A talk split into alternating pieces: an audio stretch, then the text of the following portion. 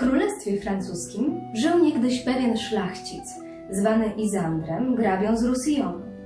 Ów na zdroju wielce szwankując, trzymał przy sobie zawsze medyka, mistrza Gerarda z Narbonny. Hrabia z Rusjonu miał malutkiego synaczka, jedynaka, imieniem Beltram. Wraz z tym urodziwym i przymilnym chłopcem wychowało się wiele rówieśnych dzieci, wśród których znajdowała się także córka medyka, Gilettą zwana. Dzieweczka ta rozmiłowała się w Beltramie bardziej, niż to na jej wiek młody przystało. Po śmierci grabi, Beltram, pod opieką królewską pozostały, musiał do Paryża się udać.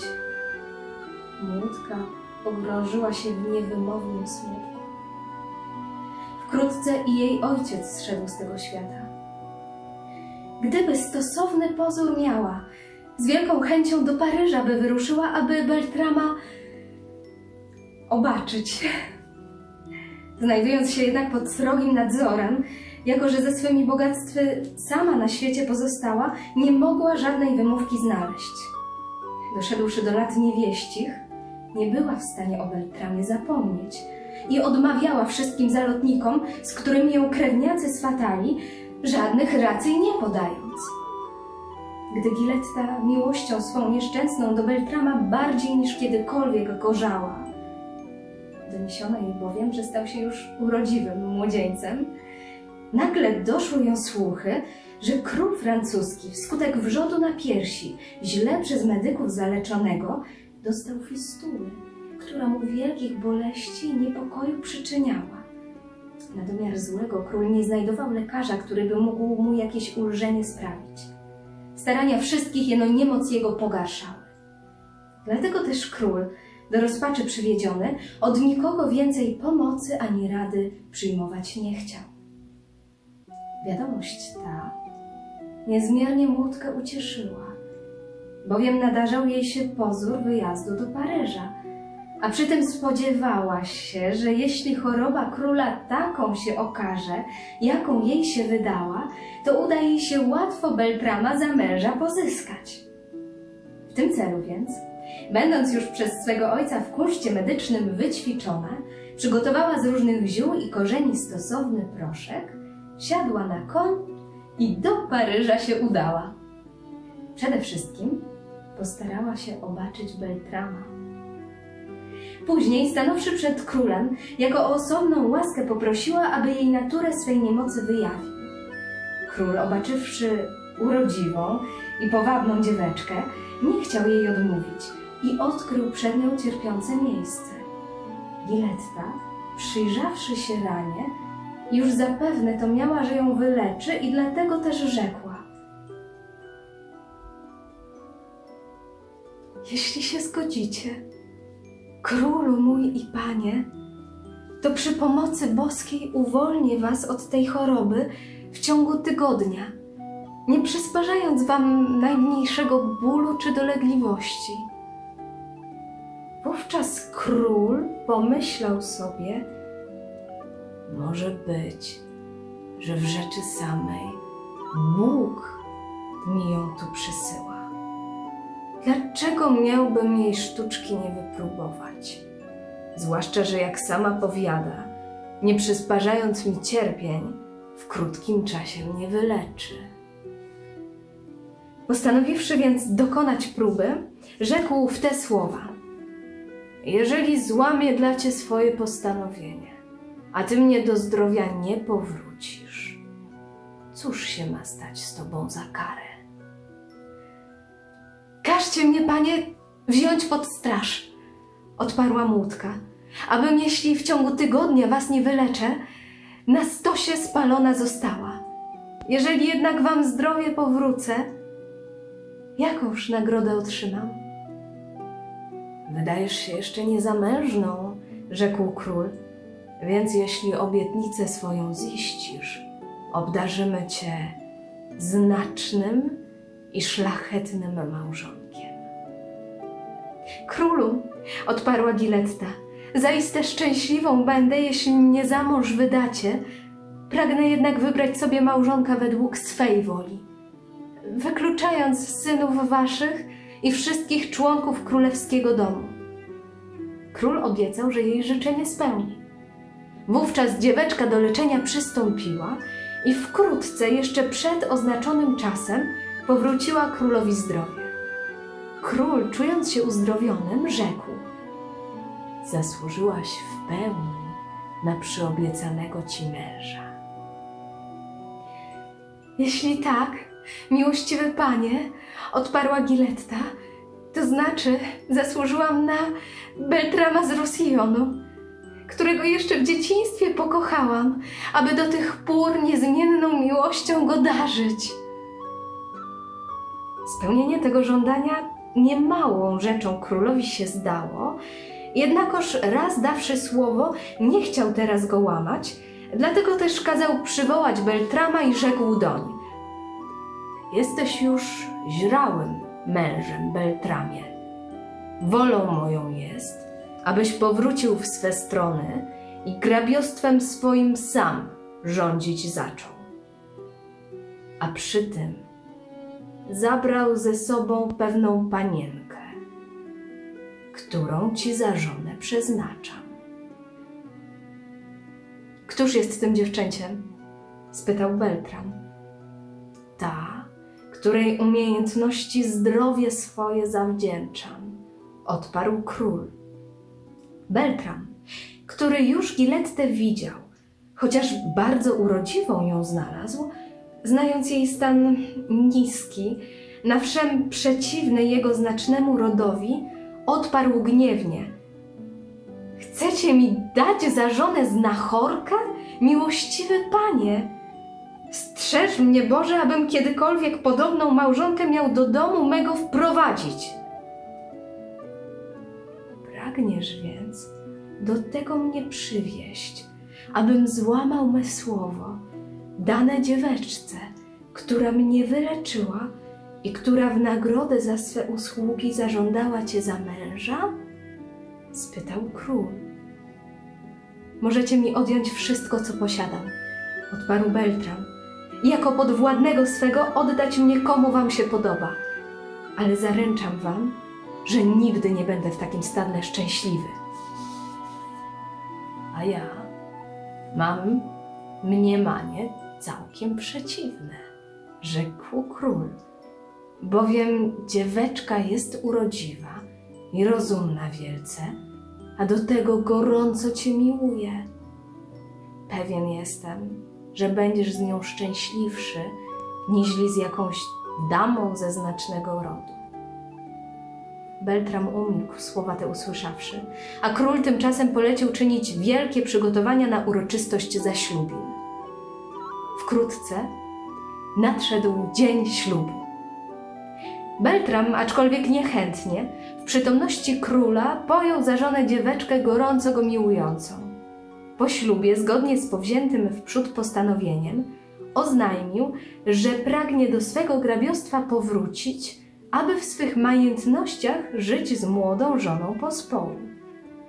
Otrzymawszy pozwolenie króla, siadł na koń i miast w swoje strony do Toskanii się udał. Wiedząc, że Florentczycy w tym czasie z Jeneńczykami wojnę toczyli, ofiarował im swoje usługi. Florentczycy z radością i oznakami wielkiej czci go przyjęli i mianowali go dowódcą oddziału żołnierzy, znaczny żołd mu wyznaczając. Beltram przez dłuższy czas u nich na służbie pozostawał. Młoda żona tymczasem, niezbyt uradowana takim obrotem sprawy, a jednocześnie nadzieję żywiąca, że tym, co zdziała, uda jej się Beltrama do domu sprowadzić, udała się do Rusijonu. Przywiódłszy do porządku wszystkie sprawy w majętnościach, Giletta uwiadomiła o tym męża przez dwóch dworzan, prosząc go, że jeśli jej obecność od powrotu do domu go wstrzymuje, aby jej doniósł o tym, a ona natychmiast, woli jego posłuszna, z tych stron się oddali. Grabia dał wysłańcom twardą odpowiedź. Niechaj moja żona robi co chce. Co się tyczy mego powrotu, to on prędzej nie nastąpi, aż Giletta będzie miała na palcu ten oto pierścień, a na rękach dziecię przeze mnie spłodzone. Pierścień ów miał grabia w wielkiej cenie i nigdy się z nim nie rozstawał dla tajemniczej mocy, y, którą rzekomo klejnot ten posiadał. Dworzanie pojęli srogość kondycji składającej się z dwóch niemożliwych prawie rzeczy, wiedząc jednak, że słowami od postanowienia tego odwieść go nie zdołają, powrócili do damy i powtórzyli respons grabiego. Giletta, wielce strapiona, po dłuższym namyśle postanowiła spróbować, zali jej się nie uda tych dwóch warunków wypełnić i tą drogą męża odzyskać. Poleciwszy swoich doradców opiece boskiej, Giletta w stroju pielgrzymim, w towarzystwie krewniaka i służki, puściła się w drogę, zabierając z sobą większą sumę pieniędzy i klejnoty. Nikt nie wiedział, dokąd się udaje. Ona zaś, nie zażywając w drodze w czasu, podążyła do Florencji. Przybywszy do miasta szczęśliwie, zatrzymała się w niewielkiej oberży. Zdarzyło się, że następnego dnia ujrzała Beltrama, przejeżdżającego koło oberży konno na czele swego oddziału. Chociaż od razu go poznała, zapytała oberżystki, kto to zacz? Jest to znaczny cudzoziemski pan, odparła gospodyni, imieniem hrabia Beltram. Człowiek uprzejmy i miły, ogólną czcią otaczany w mieście. Miłuje on z całego serca jedną z naszych sąsiadek, która jest ubogą szlachcianką. Ta obyczajna dzieweczka nie wyszła dotąd za mąż z przyczyny swego umóstwa. Mieszka ona pospołu z swoją matką, wielce zacną i roztropną białogłową. Gdyby nie wzgląd na tę matkę, już dawno uczyniłaby to, czego hrabia pragnie. Giletta, słowa te usłyszawszy, rozważyła każdy szczegół dokładnie i na okoliczności tej usnuła swój zręczny plan. Dowiedziała się, jak się zowie i gdzie mieszka młódka, którą grabia miłuje. I pewnego dnia ukradkiem w szatach pielgrzymich udała się do domu jej matki. Obie białogłowy przyjęły ją w ubogiej izdebce. Giletta pozdrowiła je i poprosiła staruszkę o chwilkę rozmowy. Ta podniósłszy się, rzekła, że gotowa jest jej wysłuchać. Po chwili udały się same do sąsiedniej izby, a gdy na ławie zasiadły, grabini rzekła: Zdaje mi się, Madonno, że fortuna jest wam przeciwna wielce, tak jako i mnie. Jeżeli jednak zechce, będziecie mogły mnie i siebie uszczęśliwić. Przede wszystkim trzeba, żebym mogła na was polegać. Mówcie spokojnie, odrzekła staruszka. Ja was z pewnością nie zdradzę. Wówczas Giletta zaczęła swoją opowieść od chwili, gdy Beltrama pokochała, później wyznała, kim jest i opowiedziała o wszystkim, co zaszło i rzekła. Teraz wiecie już, pani, co uczynić muszę, aby męża odzyskać. Znacie dwa warunki, których dopełnić winnam. Nikt mi w tym pomóc nie może oprócz was. Jeżeli tylko prawdą jest, że grabia córkę waszą gorąco miłuje. Nie wiem, czy ją miłuje, czy nie, odparła dama. To mi jeno wiadomo, że całe jego postępowanie tego dowodzić się zdaje. W czym jednak użyteczna wam być mogę? Zaraz wam powiem, Madonno, rzekła Giletta. Pierwej jednak powiedzieć pragnę, jaką korzyść wam ta usługa przyniesie. Wiem, że córka wasza, w wieku stosownym do małżeństwa będąca, wielką urodą celuje i że tylko dla braku wiana w domu swym dotąd ją trzymacie. Gotowa jestem za usługę, jaką mi wyświadczycie, takim wianem ją obdarzyć, jakie mi sami naznaczycie. Damie niedostatek cierpiącej wielce te słowa do smaku przypadły, jednakoż odparła szlachetnością wiedziona – Powiedzcie mi, pani, co mam dla was uczynić? Jeśli to tylko nie będzie rzecz nieobyczajna, chętnie wszystko wypełnię. Wy zaś się później uczynicie, co wam się podoba.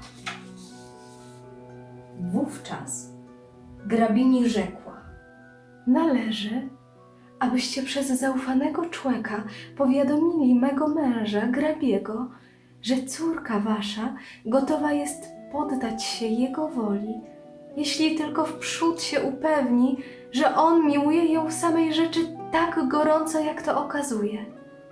Jednakoż nigdy temu wiary nie da, jeśli grabia nie prześle jej wprzód pierścienia, który na palcu nosi, w którym, jak słyszała, szczególnie sobie upodobał. Jeśli grabia pierścień ofiaruje, oddacie mi go, a później każecie powiedzieć memu mężowi, że córka wasza gotowa jest pragnienia jego wypełnić.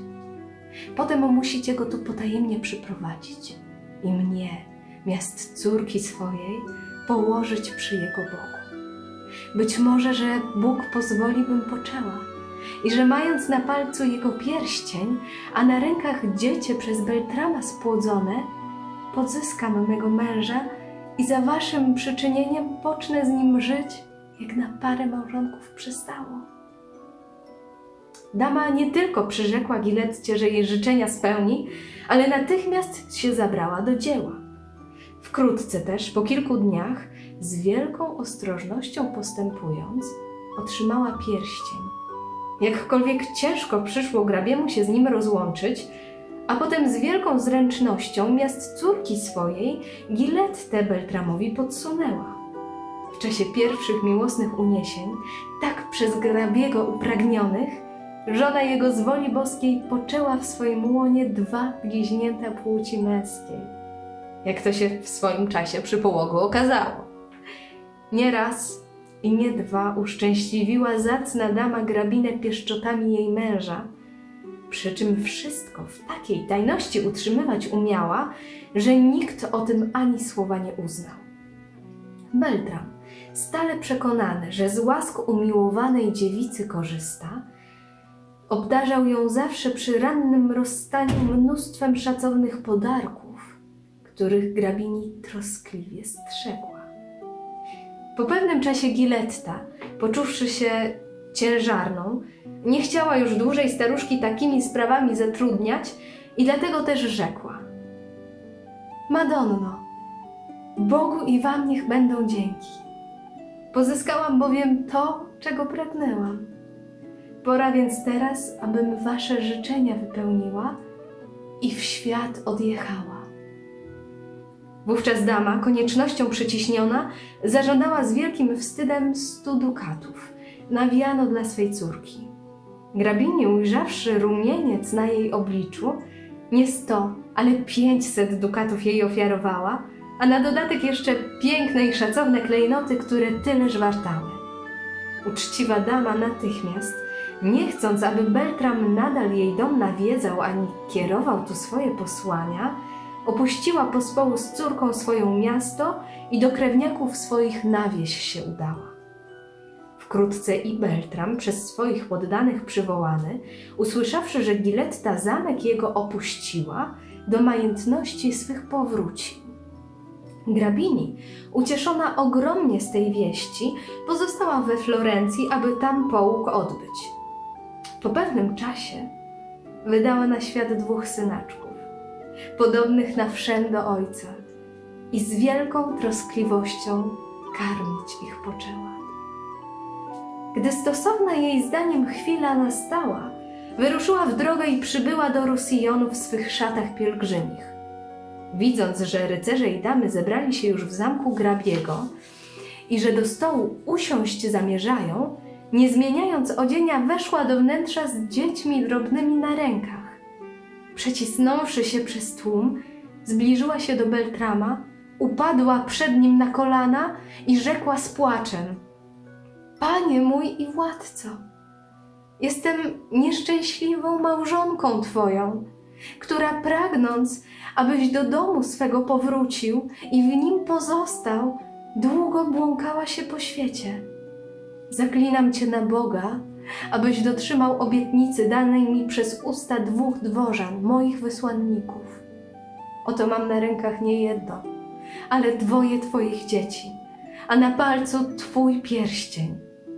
Słowem, nastał czas, abyś mnie uznał za prawowitą małżonkę swoją, zgodnie z uczynionym przyrzeczeniem.